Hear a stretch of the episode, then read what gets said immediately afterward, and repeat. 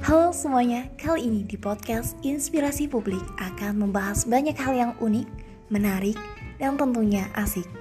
Inspirasi Publik hadir untuk kalian yang sedang merasa galau, putus asa, gelisah, untuk memberikan warna bahagia. Kalau sekedar aksara dipandang dusta, lewat tutur kata, Inspirasi Publik akan memberikan banyak makna.